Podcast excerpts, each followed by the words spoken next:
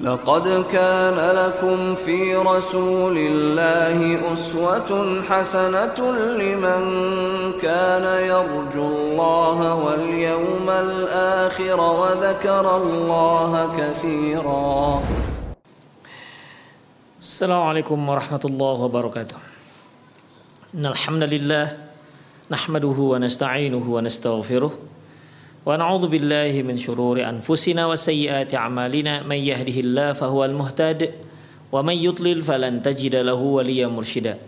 أشهد أن لا إله إلا الله وحده لا شريك له وأشهد أن محمدا عبده ورسوله الذي لا نبي بعده. وقال الله سبحانه وتعالى يا أيها الذين آمنوا اتقوا الله حق تقاته ولا تموتن إلا وأنتم مسلمون. وقال عز من قال يا أيها الذين آمنوا اتقوا الله وقولوا قولا سديدا. يصلح لكم أعمالكم ويغفر لكم ذنوبكم. ومن يطع الله ورسوله فقد فاز فوزا عظيما. يا أيها الناس اتقوا ربكم الذي خلقكم من نفس واحدة وخلق منها زوجها وبث منهما رجالا كثيرا ونساء واتقوا الله الذي تساءلون به والأرحام إن الله كان عليكم رقيبا. أما بعد إن أصدق الحديث كتاب الله وخير الهدي هدي محمد صلى الله عليه وسلم.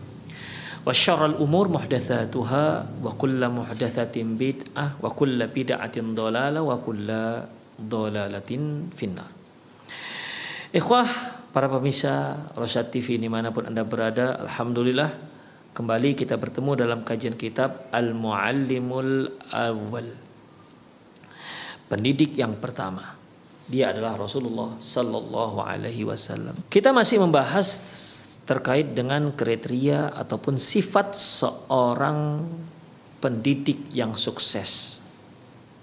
Karakter seorang guru yang cemerlang Tentunya ini semua sifat-sifat ini semua untuk menunjang agar anak didik atau anak kita bisa menerima ilmu-ilmu yang kita transfer dan bisa mengamalkan ya, bisa mengamalkannya. Yang lalu kita bah, telah bahas terkait dengan ketika seorang guru mengajar atau orang tua lah kita katakan mengajar anaknya, tentunya sangat dibutuhkan kesabaran. Ya, sangat dibutuhkan sebuah kesabaran. Karena setiap perkara yang terkait dengan dakwah ikhwah itu sangat butuh dengan kesabaran. Termasuk eh, termasuk terkait dengan masalah eh, mendidik. Mendidik itu termasuk bagian daripada dakwah. Maka sangat dibutuhkan dengan kesabaran. Kemudian ikhwah azinallahu wa iyyakum, uh, kita juga telah bahas yaitu seorang pengajar, guru, bahkan orang tua yang mengajarkan anaknya hendaklah dia menjauhkan dirinya dari ucapan-ucapan kotor, ucapan-ucapan tercela. Apalagi ucapan-ucapan kasar. Karena hal itu sangat tidak membantu dalam mendidik anak-anak sangat tidak membantu dalam mendidik siswa-siswi kita. Bahkan tanpa kita sadari kita sedang mengajarkan kepada mereka, memberikan contoh kepada mereka contoh yang buruk. Dan ketika kita mengucapkan ucapan yang kasar, yang kotor, lantas mereka, anak didik kita, baik anak kita sendiri maupun anak orang yang berad, yang sedang kita ajarkan, me mengkopi ataupun merekam ucapan kita tersebut. Dan dia juga ikut mengucapkannya maka sama artinya kita sedang memanen sebuah dosa ya memanen sebuah dosa yang terus menerus selama si anak mengucapkan ucapan kotor tersebut. Ini yang kemarin telah kita bahas di mana Rasulullah Shallallahu Alaihi Wasallam bersabda man sanna sunnatan sayyi'atan fa'alaihi wizruhu wa wizru man al, man amila biha. Barang siapa yang mengajarkan contoh yang buruk, maka dia mendapatkan dosanya dan dosa orang yang ikut mengamalkannya. Jika ada, jika kita sedang mendidik 40 orang anak, Siswa kita 40 misalnya. Atau siswa kita 20 atau 30. Ketika kita mengucapkan ucapan kotor tersebut direkam oleh tiga orang anak dan mereka juga mengucapkannya kepada teman-teman yang lain, maka setiap kali dia mengucapkan ucapan kotor yang dia rekam dari kita, maka kita pun ikut memanen dosanya. Setiap kali. Mungkin kita hanya sekali mengucapkan. Dan mereka berkali-kali, acap kali mengucapkannya. Maka lebih banyak dosa yang mereka transfer ke kita ketimbang dosa yang kita lakukan sendiri. Kenapa? Karena kita telah memberikan contoh yang buruk kepada kepada anak didik kita, kepada anak-anak kita, kepada anak kandung kita. Dan ini satu hal yang sangat berbahaya ikhwah rahimani Allah wa iyyakum. Ketika kita sudah meninggal, kemudian mereka masih mengucapkan ucapan tersebut. Maka dosanya masih terus mengalir pada kita. Na'udzubillah min dalik. Makanya ikhwah rahimani Allah wa iyyakum. Hati-hati dengan ucapan-ucapan kotor. Karena ucapan-ucapan ini dapat mengalirkan kepada kita dosa. Atau dosa jariah. Demikian ikhwah azin Allah wa iyyakum. Kemudian kita sampai pada karakter yang terakhir yang ke-11 yaitu istisyaratul muallim li ghairi. Seorang guru selayaknya dia berdiskusi. Ya, meminta pendapat guru-guru yang lain ataupun mereka-mereka yang punya pengalaman dalam masalah tersebut. Mintalah pendapat mereka, apa pendapat mereka. Jangan gengsi. Walaupun mungkin kita lebih tua usianya, sementara mereka yang lebih ahli dalam bidang tersebut lebih muda usianya, tidak apa. Jangan gengsi. Ya, jangan gengsi. Tidak mengapa. Guru yang senior bertanya kepada yang junior, tidak ada salahnya ikhwah. Ya. Tidak ada salahnya. Karena ini semua untuk kemaslahatan dan kebaikan anak kita, anak-anak didik kita, siswa-siswi kita. Tidak harus yang senior itu lebih pandai, lebih piawai dibandingkan junior. Itu nggak tidak harus seperti itu. Terkadang ikhwah yang junior jauh lebih pandai dibandingkan yang senior. Demikian ikhwah rahimani Allah wa iyyakum. Baik, kita lihat. Tuwajihul muallimu masailun mushkalatun wa qadaya muaqqadatun. Terkadang seorang guru itu dihadapkan uh, banyak banyak permasalahan dan kasus-kasus. Yahtaru ma'ahal muallim yang terkadang membuat si guru bingung untuk solusinya. Wala yajidula hallan au makhrajan. Sementara dia tidak mendapatkan apa solusinya dari permasalahan ini, bagaimana cara menyelesaikannya. Waqad ya'subu 'alal muallimi fi fi ba'dil ahyana fahmun mas fahmu mas'alatin ma Bahkan terkadang seorang guru bukan hanya tidak mengetahui apa solusinya, bahkan dia sendiri nggak paham tentang kasusnya. Ya karena kita bisa menyelesaikan satu kasus ketika kita memahami kasus tersebut. Ini terkadang kita sebagai guru kasusnya pun kita nggak paham. Ya, konon lagi mau menyelesaikan kasus. Yatruhu alaihi su'alu min tulabihi wala yajidu lahu hallan atau uh, atau terkadang dia mendapatkan pertanyaan ya mendapatkan pertanyaan dari salah seorang muridnya namun dia tidak mengetahui apa jawabannya ataupun tafsirannya wa min jihatin ukhra qad yajidul muallimu nafsahu amama mushkilat amama mushkilatin inda ahadi tullabihi aw ba'dihim wa yahtaju minal muallimi ayyufassila fiha wa yahillu iskalaha. Di sisi yang lain, terkadang seorang guru mendapatkan dirinya eh, apa ber, berhadapan dengan masalah, berhadapan dengan muskilah, satu permasalahan ataupun kasus eh, kasus salah seorang muridnya atau sebagian muridnya di mana seorang guru itu memerlukan rincian masalah ini. Ya.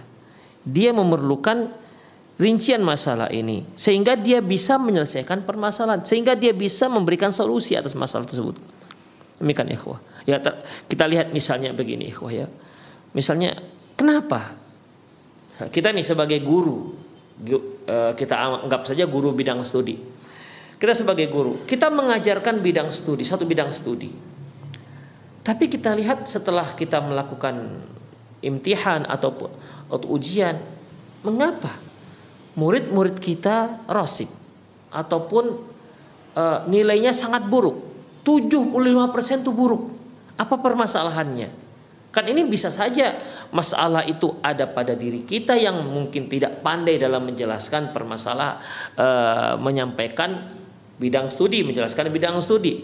Atau mungkin murid tidak suka dengan bidang tersebut itu atau mungkin apa? Kan ini perlu diteliti ikhwah. Ya sehingga seorang guru ingin rincian permasalahan ini, meneliti permasalahannya sehingga dia bisa menyelesaikan ataupun memberikan solusi, mendapat untuk mendapatkan solusi untuk permasalahan ini. Mengapa seperti itu? Mengapa nilai anak-anak murid eh, rendah? Mengapa anak-anak ribut di dalam kelas? Mengapa anak-anak uh, selalu berkelahi? Mengapa banyak hal ikhwah yang bisa kita yang mungkin kita hadapi terkait dengan anak-anak murid, apalagi terkait dengan anak yang ada di sekolah. Demikian ikhwah. Jangankan anak-anak yang kita hadapi mereka yang di sekolahnya. Anak-anak kita sendiri mungkin banyak permasalahan yang harus kita selesaikan di antara mereka. Demikian mungkin permasalahan antara kakak dengan adik, adik dengan kakak atau permasalahan anak kita dengan teman-temannya yang suatu hari dia dia merasa kecewa dengan temannya, kita berikan solusi. Kita sebagai orang tua yang yang ingin memberikan solusi pada anak-anaknya. Demikian ikhwah. Apa sikap yang harus kita ajarkan kepada anak-anak kita supaya dia tidak tidak down dalam belajar? Karena kan ada mungkin ada di antara teman-temannya yang uh, ingin menyaingi, ingin menyaingi tapi dengan cara yang tidak sehat, mungkin dibully atau uh, apa namanya main fisik misalnya ya eh, penyebutan tentang masalah fisik mungkin atau suatu hal yang membuat seseorang anak itu down dalam dalam mempelajari, dalam belajar demikian ikhwah. Jadi eh, ketika kita mengetahui permasalahan ini, maka apa? Apa rinciannya? Bagaimana cara menyelesaikannya? Atau anak yang tidak betah, yang anak yang mondok, di mana dia mondok di pesantren, dan dia tidak betah di pondok pesantren. Nah, ini kan perlu diketahui apa permasalahan dia, mengapa dia tidak betah di pondok pesantren. Apakah dikarenakan dia di rumah terlalu dimanja oleh orang tuanya sehingga dia tidak bisa jauh dari orang tuanya ataukah dikarenakan memang dia tidak mampu untuk menyerap pelajaran kalau dia kalau dia seandainya dia orang yang tidak bisa jauh dengan orang tuanya tentu kan kita harus musyawarah dengan orang tuanya. Mungkin untuk sementara ini orang tua datang sekali seminggu ya menyenggu anaknya membawa anaknya sekali seminggu keluar untuk makan seterusnya kemudian diantar kembali sehingga uh, dia bisa membiasakan diri ya. Di minggu-minggu pertama oke lah setiap minggu dia datang dan seterusnya atau mungkin dikarenakan hal lain misalnya. Atau dikarenakan kalau di rumah dia selalu dibolehkan megang HP dan melihat apa saja yang ada di HP. Sementara di pondok HP-nya dipegang oleh pondok, pihak pondok nggak boleh dia menggunakan HP selama seminggu. Nah, ini kan perlu adanya perlu adanya penyelesaian. Demikian ikhwah. Kalau masalah HP, karena gara masalah HP dia tidak betah di pondok, maka dia di pondok mana pun tidak akan betah. Di sekolah mana pun tidak akan betah kalau dia dipisahkan dari HP-nya. Ini kan perlu ada kerjasama antara guru, wali dan murid. Demikian dan ini kan satu permasalahan yang perlu didiskusikan, yang perlu dimusyawarahkan, yang perlu dirembuk antar eh, apa namanya guru atau dengan komite dan seterusnya. Demikian ikhwah Allah wa iya.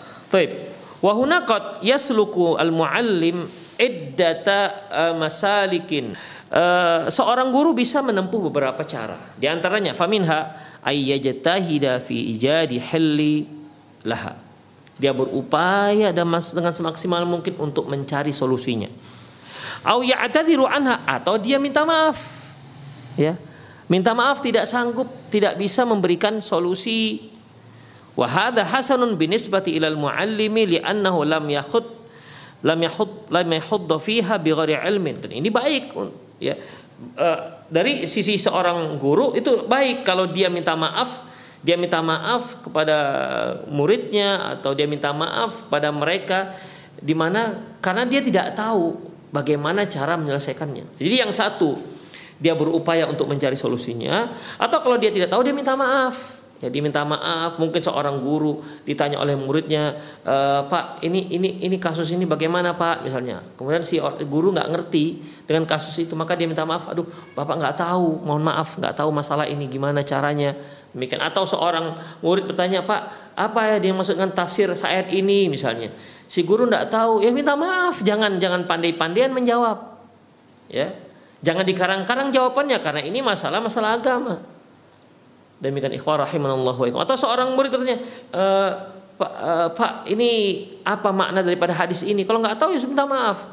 Ya minta maaf. Demikian ikhwah rahimanallahu wa dan itu baik untuk guru ya. Dan itu baik untuk guru. Makanya para ulama kita mengatakan bahwasanya la adri nisful ilm. Ucapan tidak tahu itu merupakan merupakan setengah daripada ilmu ya Baik, selanjutnya ikhwah rahimanallahu wa in kana dzalika mushkilan lit-talibi li'anna mushkilatuhu lam tahillu ba'du. Ya, walaupun masalah itu uh, ada pada seorang murid di mana ya mau tidak mau belum diketahui apa penyelesaiannya. Ya, namanya guru nggak tahu. Ketika guru nggak tahu ya gimana kita paksa. Demikian ikhwah. Wa minha ayyakhudu fiha bighairi ilmin fahadha madhmumun wa huwa yufsidu akthara mimma yuslih. Cara yang berikutnya yaitu dia dia memberikan solusi dengan tanpa ilmu. Ya, dia memberikan solusi tanpa ilmu. Dia memberikan solusi padahal dia tidak mengerti kasusnya. Dia menjawab padahal dia tidak mengerti apa pertanyaannya. Dia menjawab padahal dia tidak tahu apa jawabannya. Jadi dia dia membuat jawaban yang diada-adakan dengan tanpa ilmu. Ini per, cara sikap seperti ini, ikhwah. Sikap seperti ini ini bukan malah memberi solusi tapi malah merusak. Kerusakannya lebih parah ketimbang maslahatnya. Paling maslahatnya masalah gengsi karena takut tidak karena takut ketahuan bahwasanya dia tidak bisa menjelaskan permasalahan atau tidak tahu satu masalah dan sebenarnya ini nggak aib ya. Apabila kita seorang guru, kita katakan kita tidak tahu, itu bukan satu aib. Ada sebuah syair orang Arab mengatakan ta'allamu la adri wa la ta'allamu adri fa in kunta la tadri fa in kunta la fa in qulta la tadri fa'allamuka hatta tadri wa in kunta wa in qulta adri fasa'aluka hatta la tadri apa kata mereka Belajarlah kamu untuk mengatakan tidak tahu, aku tidak tahu. Jangan kamu hanya mengatakan saya tahu. Sebab kalau kamu mengatakan saya tidak tahu, maka mereka akan mengajarkan Anda sampai Anda tahu. Dan apabila Anda mengatakan saya tahu, Anda akan terus ditanya sampai Anda tidak tahu. Demikian ikhwah rahimanallah wa iyyakum. Jadi kalau seandainya kita ditanya oleh murid, kita tidak tahu, sudah itu bukan aib. Ya itu bukan aib. Demikian ikhwah rahimani Allah wa iyyakum ya. Itu bukan bukan aib. Katakan saja tidak tahu. Karena kalau kita ada-adakan kita buat-buat jawabannya tanpa ilmu, maka kerusakannya lebih parah ketimbang maslahatnya. Ya. Wa minha ayyabahatha an hilliha imma an tariqin mutala'atin aw bahthin. Anil mutala'ati mutala'ati awil wal bahthi. Atau dengan cara minta waktu untuk biar bisa diteliti dulu yang meneliti membahas bagaimana cara penyelesaiannya dengan cara membaca atau pencarian atau penelitian ya. Wa imma antari talab al istisyarati wa huwa maksuduna wa huwa maksuduna maksuduna atau dengan cara bagaimana? Kita musyawarah dengan guru yang lain dengan orang lain. Nah demikian ikhwah jadi permasalahan itu ikhwah imma kita berupaya untuk menyelesaikannya atau kalau kita tidak tahu maka kita katakan tidak tahu atau kita minta waktu kita akan teliti permasalahan ini. Kita akan cari jawabannya bagaimana yang benar. Demikian ikhwah. Kalau juga kita tidak bisa maka ada cara yang lain. Kita minta tolong orang lain minta tolong rembukan dengan guru yang lain. Ini bagaimana cara menyelesaikan permasalahannya. Baik masalah itu terkait dengan masalah mata pelajaran maupun masalah itu terkait dengan diri si murid sendiri, sikap si murid, akhlak si murid. Demikian ikhwah. Atau mungkin masalah itu bukan dari murid, tapi dari wali murid, dari orang tua si murid. Demikian bagaimana cara menghadapi orang tua yang seperti ini. Demikian ikhwah rahimani Allah wa Ya. Wahua maksuduna. Inilah yang kita maksud untuk poin yang ke-11 ini. Wal istisyaratu ma'khudatun min qaulil Arab. Istisyarah itu diambil dari ucapan orang Arab, syurtud dabbah, syawwarat syawwartuhu. Idza alimtu khabaraha. Syurtud dabbah aku uh, dikatakan uh, syurtud dabbah yaitu apabila aku mengetahui beritanya. Wakila min qaulihim ada juga yang mengatakan isyarah istisyarah itu dari kata-kata syirtul asal idza akhadathu min maudhi'iha yaitu syirtul asal aku lakukan musyarah fil asal ya madu yaitu apabila aku ambil madu itu langsung dari tempatnya. Demikian ikhwah.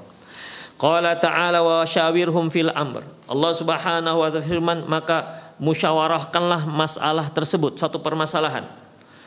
Yaqulu Ibnu Adiyin inda hadil al-ayah bahwasanya Ibnu Adi rahimahullah mengatakan ayat e, tentang ayat ini ai fil umuril lati tahtaju ilal istisyarati nad wa nadhara wa nadran wa fikran yaitu perkara-perkara yang perlu untuk musyawarah baik secara tinjauan maupun pemikiran Wa inna fil istasyarati minal fawaidi minal fawaidi wal masalih diniyah wad dunyawiyah. Karena masalah musyawarah ini banyak sekali faedahnya baik faedah yang terkait dengan agama maupun faedah yang terkait dengan dunia duniawi.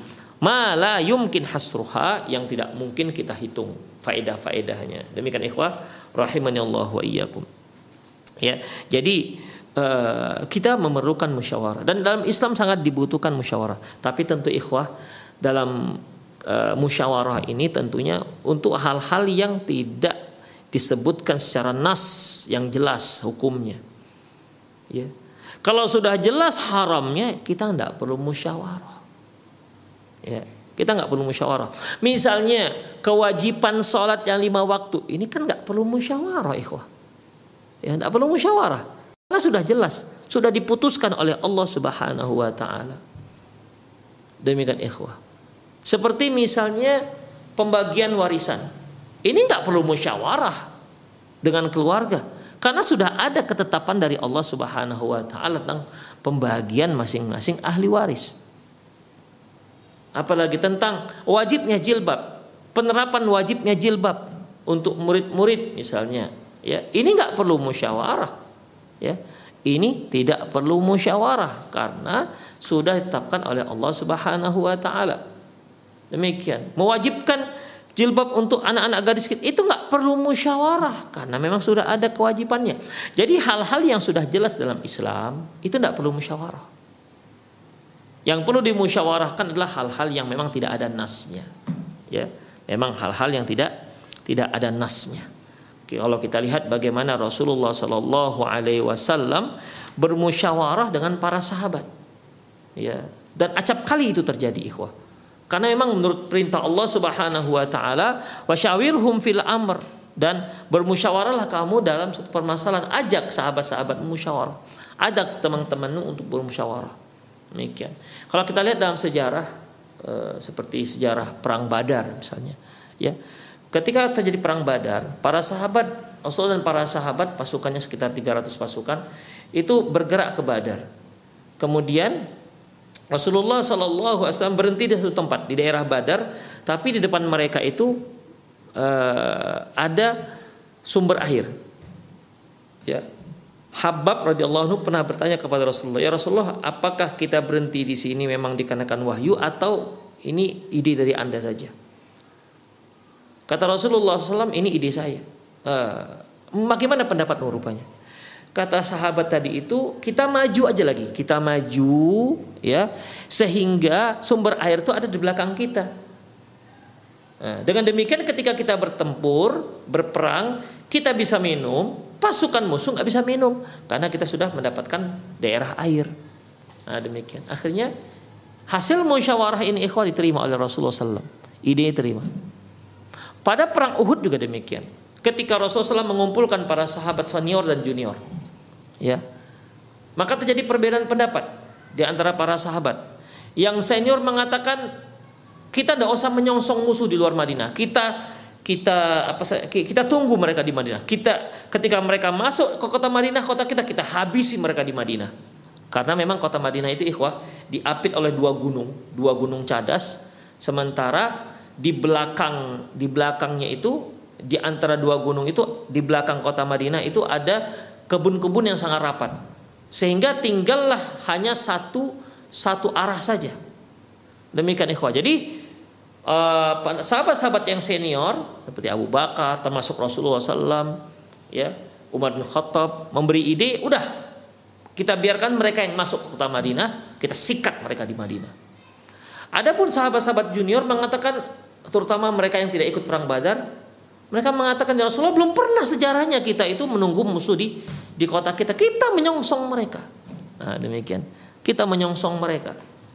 Akhirnya Rasulullah SAW menerima ide ide para sahabat-sahabat junior ya menyongsong orang-orang kafir Quraisy yang telah mengumpulkan uh, kekuatan full mereka, full power mereka pada waktu karena dikumpulkan dari berbagai macam kabilah-kabilah sampai mereka mendapatkan pasukan sekitar 3000 orang. 3000 pasukan. Sementara pasukan Rasulullah pada perang Uhud itu sebanyak 700 orang. Tadinya 1000 sebenarnya, ya 1000. Namun di tengah jalan Abdullah bin Ubay bin Salul tokoh ataupun gembong munafik menarik pasukannya sebanyak 300 orang dan mereka memang tujuannya ingin melemahkan mental kaum muslimin. Tapi kaum muslimin tidak tidak lemah mentalnya. Nah, demikian ikhwah rahimallahu wa ikum. Demikian juga perang Khandaq. Rasulullah SAW bermusyawarah dengan para sahabat. Ini gimana ini? Karena yang akan dihadapi ini adalah koalisi Arab. Ya, perang Ahzab terdiri dari berbagai macam suku Arab. Demikian ikhwah, mengepung uh, kota Madinah. Akhirnya uh, Salman Al-Farsi memberikan ide gimana kalau kita buat khandak parit. Parit yang lebarnya sekitar 5 meter yang tidak bisa dilompati oleh kuda.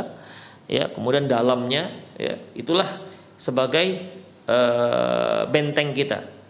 Jadi mereka yang datang akan masuk ke dalam parit yang kita dan kita bunuh mereka dari di parit. Demikian. Dan ini ide yang belum pernah trik ataupun taktik e, berperang yang belum pernah digunakan oleh orang-orang Arab.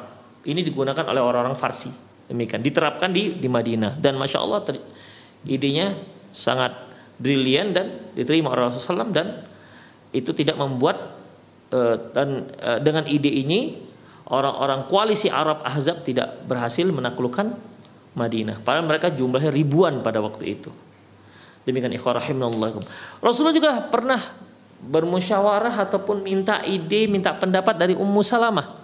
Ketika Rasulullah sallallahu alaihi wasallam pertama sekali pergi ke kota Mekah untuk melakukan umroh yang diikuti oleh banyak para sahabat, mereka membawa kambing, hadiu mereka untuk dikorbankan. Ternyata di teng mereka tidak diizinkan oleh orang-orang Quraisy untuk masuk ke kota Mekah. Di situ terjadilah sulh Hudaybiyah. Ya.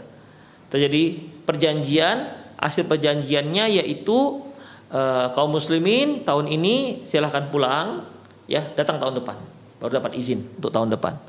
Akhirnya Rasulullah SAW uh, eh, mengumumkan ini kepada para sahabat. Para sahabat agak sedikit sedih ya karena sudah jauh-jauh dari kota Madinah tapi nggak jadi umroh. Kata Rasulullah sembelihlah e, hewan kalian dan bersyukurlah sembelihlah hewan kalian dan bersyukurlah demikian. Ternyata tidak ada seorang pun sahabat yang bergerak melakukan penyembelihan dan bersyukur hingga akhirnya Rasulullah SAW masuk ke kemah dan apa, apa namanya bicara masalah ini dengan Ummu Salamah. Kata Ummu Salamah radhiyallahu anha ya Rasulullah udah biarkan mereka. Ya biarkan mereka. Anda sendiri saja lakukan. Anda keluar tak usah banyak bicara tak usah bicara dengan mereka. Anda sembelih korban anda kemudian anda panggil tukang cukur anda cukur dah tanpa ada bicara. Akhirnya Rasulullah SAW pun keluar tanpa ada sepatah kata pun. Beliau sembelih hewan beliau, hewan kurban beliau. Kemudian beliau panggil tukang cukur untuk mencukur beliau. Dan akhirnya para sahabat ketika melihat itu dari Rasulullah, dari Rasulullah mereka pun beramai-ramai melakukannya. Padahal awalnya ketika Rasulullah menyuruh mereka, mereka gak cepat bergerak. Tapi kali ini Rasulullah SAW dengan tanpa bicara beliau amalkan sendiri, beliau melakukan sendiri dan ternyata itu cara yang uh, cara yang uh, bagus ya uh, hingga akhirnya para sahabat juga ikut melakukannya dan ini setelah hasil diskusi dengan Ummu Salamah istri beliau radhiyallahu anha. Demikian ikhwah. Jadi sangat penting yang namanya musyawarah. Di antara faedah musyawarah yaitu anna fil istisyarati itu nawirul afkar bisababi i'maliha fiha wa wudi'at uh, wudi'at lahu.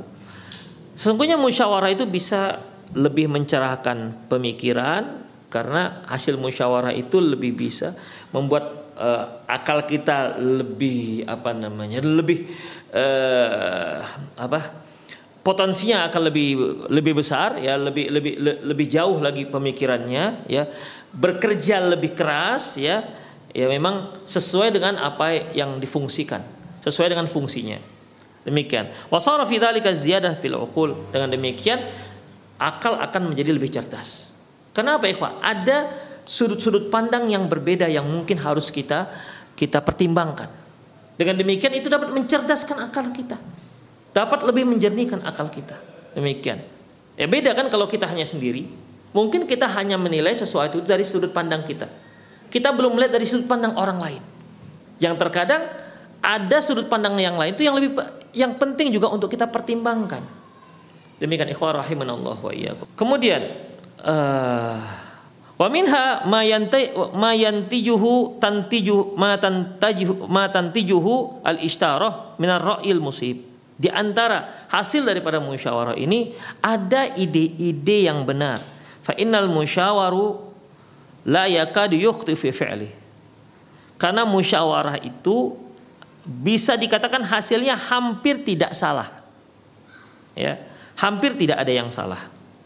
Wa in akhta'a kalaupun ternyata tersalah au lam matlub tidak sampai daripada tujuannya, tidak sampai pada targetnya, falaisa bimalumin. Dan ini tidak ada penyesalan. Kenapa? Kita sudah musyawarah. Ya. Tidak ada penyesalan. Kenapa? Itu sudah musyawarah itu hasil daripada hasil daripada uh, musyawarah. Jadi tidak ada yang layak untuk di, di disesali. Demikian. Jadi bukan kalau coba kalau ha, kita melaksanakan hasil pemikiran kita saja, orang-orang menyesalkan pemikiran kita itu. Mereka akan katakan kenapa nggak kenapa nggak minta pendapat orang lain? Kenapa nggak ada musyawarah? Kenapa begini dan begitu? Demikian ikhwah. Jadi uh, makanya ikhwah bermusyawarah itu bayangkan uh, pemikiran banyak orang Ya, banyak yang berpikir, banyak yang berpikir untuk menyelesaikan permasalahan tersebut sehingga akan muncul ide-ide yang cemerlang. Adapun kalau kita sendiri ternyata apalagi salah, ya apalagi salah, maka hal itu akan jadi akan menjadi bahan sesalan orang lain karena kita tidak mengajak mereka bermusyawarah. Fa idza kana Rasulullah sallallahu alaihi wasallam fa idza kana Allah yaquli rasulihi wa huwa akmalun nas aqlan wa wa a'zarahum ilman wa afdaluhum ra'yan fasyawirhum fil amri fa kaifa li apabila Allah berkata kepada rasulnya di mana beliau apabila Allah berkata kepada rasulnya berfirman kepada rasulnya wasyawirhum fil amr dan hendaklah kamu musyawarah dengan mereka dengan para sahabat mengajak mereka bermusyawarah. Padahal beliau adalah seorang yang paling paling cerdas akalnya, yang paling dalam ilmunya, yang paling afdol, yang paling baik idenya, Bagaimana dengan yang lain? Ya. Artinya Rasulullah saja seorang yang seorang yang cerdas, seorang yang berakal, seorang yang dalam ilmunya, Allah suruh beliau untuk bermusyawarah dengan yang lain, apalagi kita. Ya. Tentu kita lebih membutuhkannya. Wa Ibnu Abbas radhiyallahu anhu qala dari Ibnu Abbas radhiyallahu anhu qala dia berkata, "Lamma nazalat wasyawirhum fil amr." Ketika turun ayat wasyawirhum fil amr, yaitu surat Al Imran ayat 159 Qala Rasulullah ama innallaha wa rasulahu la yaghniyani anha walakin Allah ja'alaha rahmatan li ummati Sungguhnya Allah dan Rasulnya sebenarnya tidak perlu tidak membutuhkan musyawarah. Tapi Allah Subhanahu wa taala jadikan hal itu sebagai rahmat untuk umatnya. Faman faman istasyara minhum lam ya'dum rusdan wa man tarakaha lam ya'dum ghayyan. Barang siapa yang bermusyawarah maka ya maka uh, maka dia tidak di maka dia akan terjauh dari uh, dia tidak akan terjauh dari uh, kebenaran dan barang siapa yang tidak musyawarah maka dia tidak akan terjauh dari kesalahan. Artinya ikhwah, mereka yang musyawarah lebih dekat dengan kebenaran ketimbang ke kesalahan. Wa anta taro fi hadal hadis. Anda bisa melihat bagaimana hadis ini. Kaifa kanat al musyawaratu sababan fil qurbi min isabatul haq. Bagaimana musyawarah itu menjadi sebab dengan dekatnya seseorang pada pendapat yang benar. Ma fi tarkihi min muqarabatil khata wal wuqufiha. Dan yang tidak mening, yang tidak melakukan musyawarah itu malah lebih cenderung pada dekat kepada kesalahan dan jatuh pada kesalahan. Fahuriyun fahariyun bikulli muallimin ayyas'ala wa yushawiru man huwa a'lamu minhu fi ma ashkala alaihi. Oleh karena itu sangat penting sekali seorang guru, seorang tenaga pendidik bertanya bermusyawarah kepada orang yang lebih faham dengan dia tentang suatu permasalahan. Liyahsalallahu bidzalika muqarabatus sawabi wa isabatil haq agar dia bisa mendapatkan pendapat yang yang benar ataupun yang dekat dengan yang benar. Wal yabta'idu an tarafu' wal wal on wal unfah. Hendaklah dia jauhkan diri. Dan hal itu juga dapat men, menjauhkan dirinya dari uh, dari sikap sombong dan tinggi hati. Ya karena dia ikhwah ketika dia bertanya suatu permasalahan kepada seorang guru yang lain itu kan artinya dia dia apa namanya sedang rendah hati. Artinya dia dia sedang menghilangkan gengsinya. Makanya orang-orang yang gengsi ya merasa dirinya hebat mereka sombong mereka nggak akan mau musyawarah karena menganggap bahwasanya kalau kita minta bagaimana pendapat orang merendahkan dirinya. Makanya ikhwah mereka yang e, bermusyawarah kepada yang lain itu dia orang yang salah satu tanda orang-orang tersebut orang tersebut bukanlah orang yang sombong. Wa ta'adhamu nafs nafsu fi su'ali ghairi e, wa talab ra'ih wa musyawaratih dan e, jauhnya diri dari menganggap kesombongan ya karena dia telah bertanya kepada orang lain minta bagaimana pendapatnya dan musyawarah. Fa inna dzalika tarfa'u fi ghairi mahallihi. Karena kalau ada orang yang merasa sombong, tinggi hati, merasa gengsi, itu tidak pada tempatnya dalam masalah ini. Ya. Walau kana dzalika mahmudan, lakana Nabi sallallahu alaihi wasallam Seandainya menjaga harga diri, menjaga gengsi ya sampai tidak mau mengajak musyawarah itu memang baik. Tentu Rasulullah orang yang pertama yang melakukan itu. Ternyata tidak. Rasulullah bahkan meminta pendapat para sahabat untuk musyawarah. Fa'alaika ayyuhal muallim. Oleh karena itu wahai para guru. Ya wahai para guru. Antas ala amma ashkala alaika fahmah. Atau ta'suru alaihi hillah. Hendaklah kamu bertanya atas masalah-masalah yang kamu gak faham atau kamu kesulitan untuk menyelesaikannya. Wala taqul inna hadza tahwinu min sya'nik. Jangan kamu katakan ini merusak harga diriku, menghinakan diriku. Wa wa uh, wa naqsu fi qadri dan merusak. Jangan kamu katakan dengan mengajak musyawarah minta pendapat itu sama artinya itu sama artinya merusak harga merendahkan harga dirimu dan kehormatanmu? Enggak itu keliru. Bal huwa dalilu ala kamalil akli wa rajahatihi. Bahkan itu menunjukkan akal anda itu akal yang sudah sempurna dan sudah mapan. Demikian ikhwah. Jadi bukan bukan ciri kekurangan bukan ikhwah. Bahkan itu adalah ciri orang yang cerdas.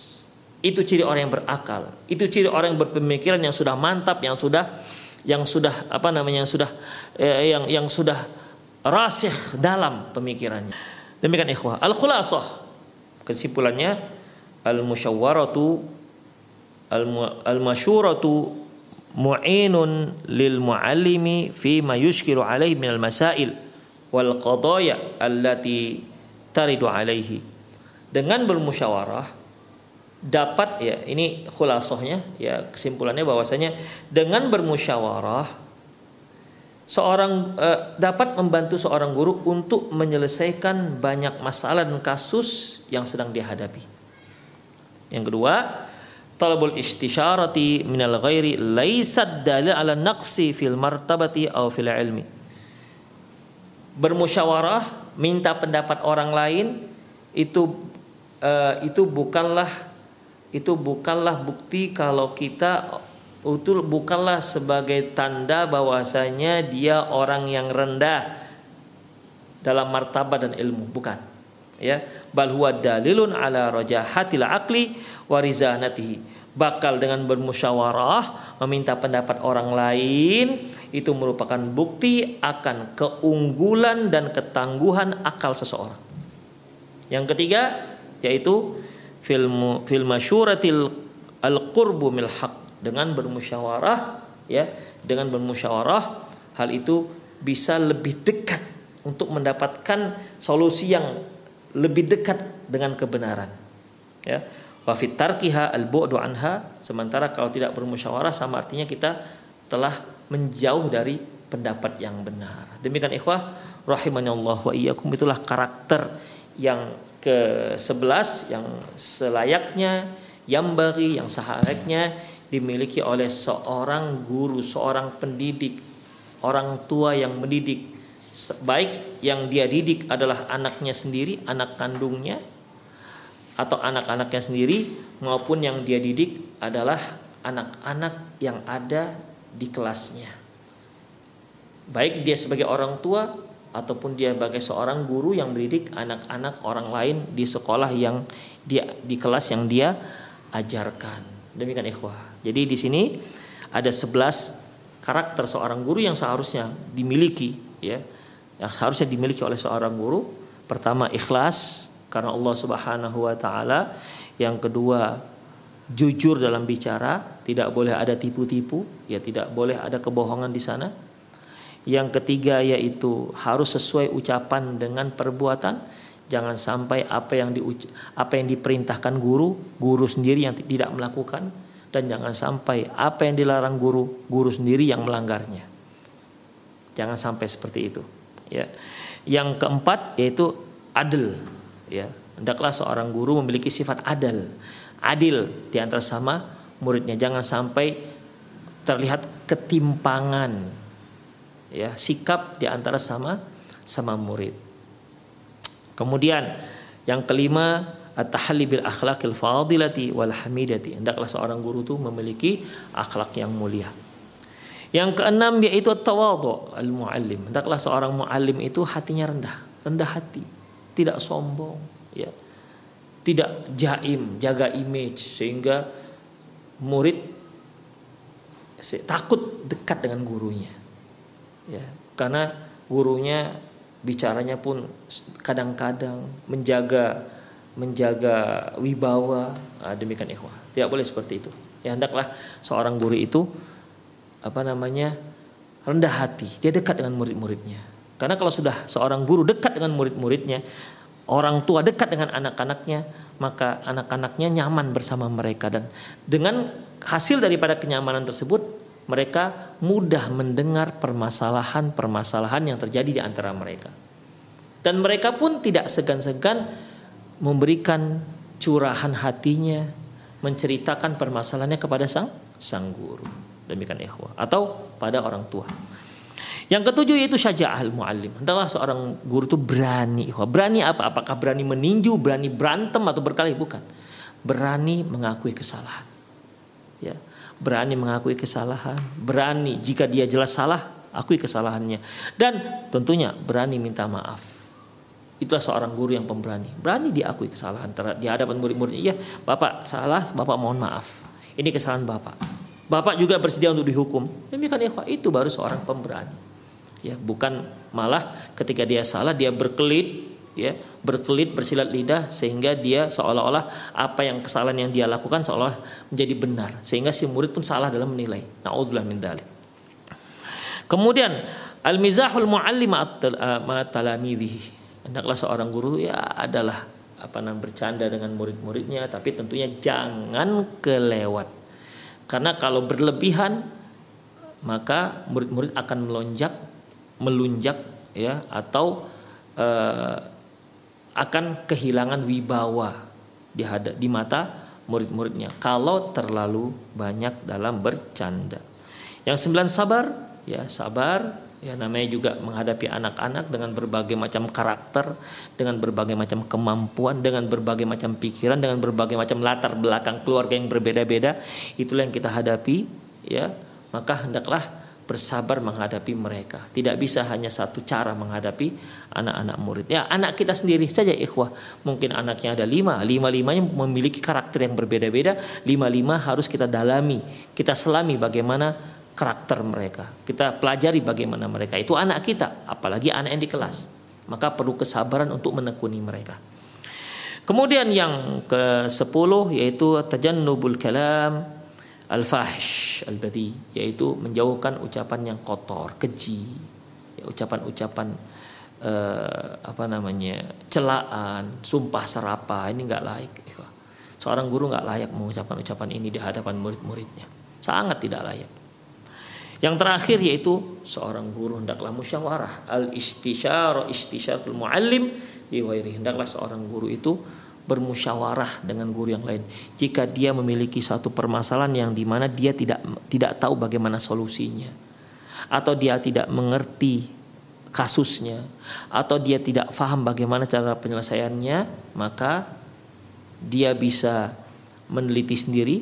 Kalau dia juga nggak sanggup, dia boleh bertanya kepada guru-guru yang lain yang mungkin pernah menanggulangi permasalahan ini. Atau mungkin ada guru senior yang berpengalaman dalam masalah ini atau orang yang lebih alim tentang masalah ini maka kita boleh bertanya kepada mereka. Semoga Allah Subhanahu wa taala memberikan taufiknya kepada kita melalui orang yang kita tanya. Karena Allah mengatakan wasyawirhum fil amr maka silahkan kamu bermusyawarah dalam banyak urusan demikian ikhwah oleh karena itu hendaklah seorang guru ya punya teman-teman yang di mana bisa ditanyai, bisa diajak musyawarah, bisa bertukar pendapat, bisa sharing ya dengan permasalahan-permasalahan yang sedang kita hadapi. Itulah 11 karakter seorang guru yang seharusnya dimiliki oleh setiap guru. Yang seharusnya dimiliki oleh setiap guru, baik dia sebagai orang tua yang mendidik anak-anak kandungnya maupun yang dia berstatus berprofesi sebagai seorang guru yang menghadapi murid-muridnya, siswa-siswinya atau mahasiswa atau mahasiswinya dalam rangka untuk membentuk mereka menjadi insan yang sempurna, menjadi insan yang soleh dan soleha. Demikian para pemirsa, rahimanallah wa iyyakum. Semoga apa yang kita bahas bermanfaat. Ya. Demikian saya mau undur diri dulu ya.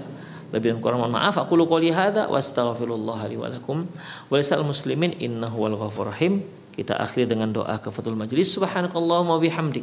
Asyhadu an la ilaha anta astaghfiruka wa atubu. Wa sallallahu ala nabiyyina Muhammad wa ala alihi wa ashabihi ajma'in.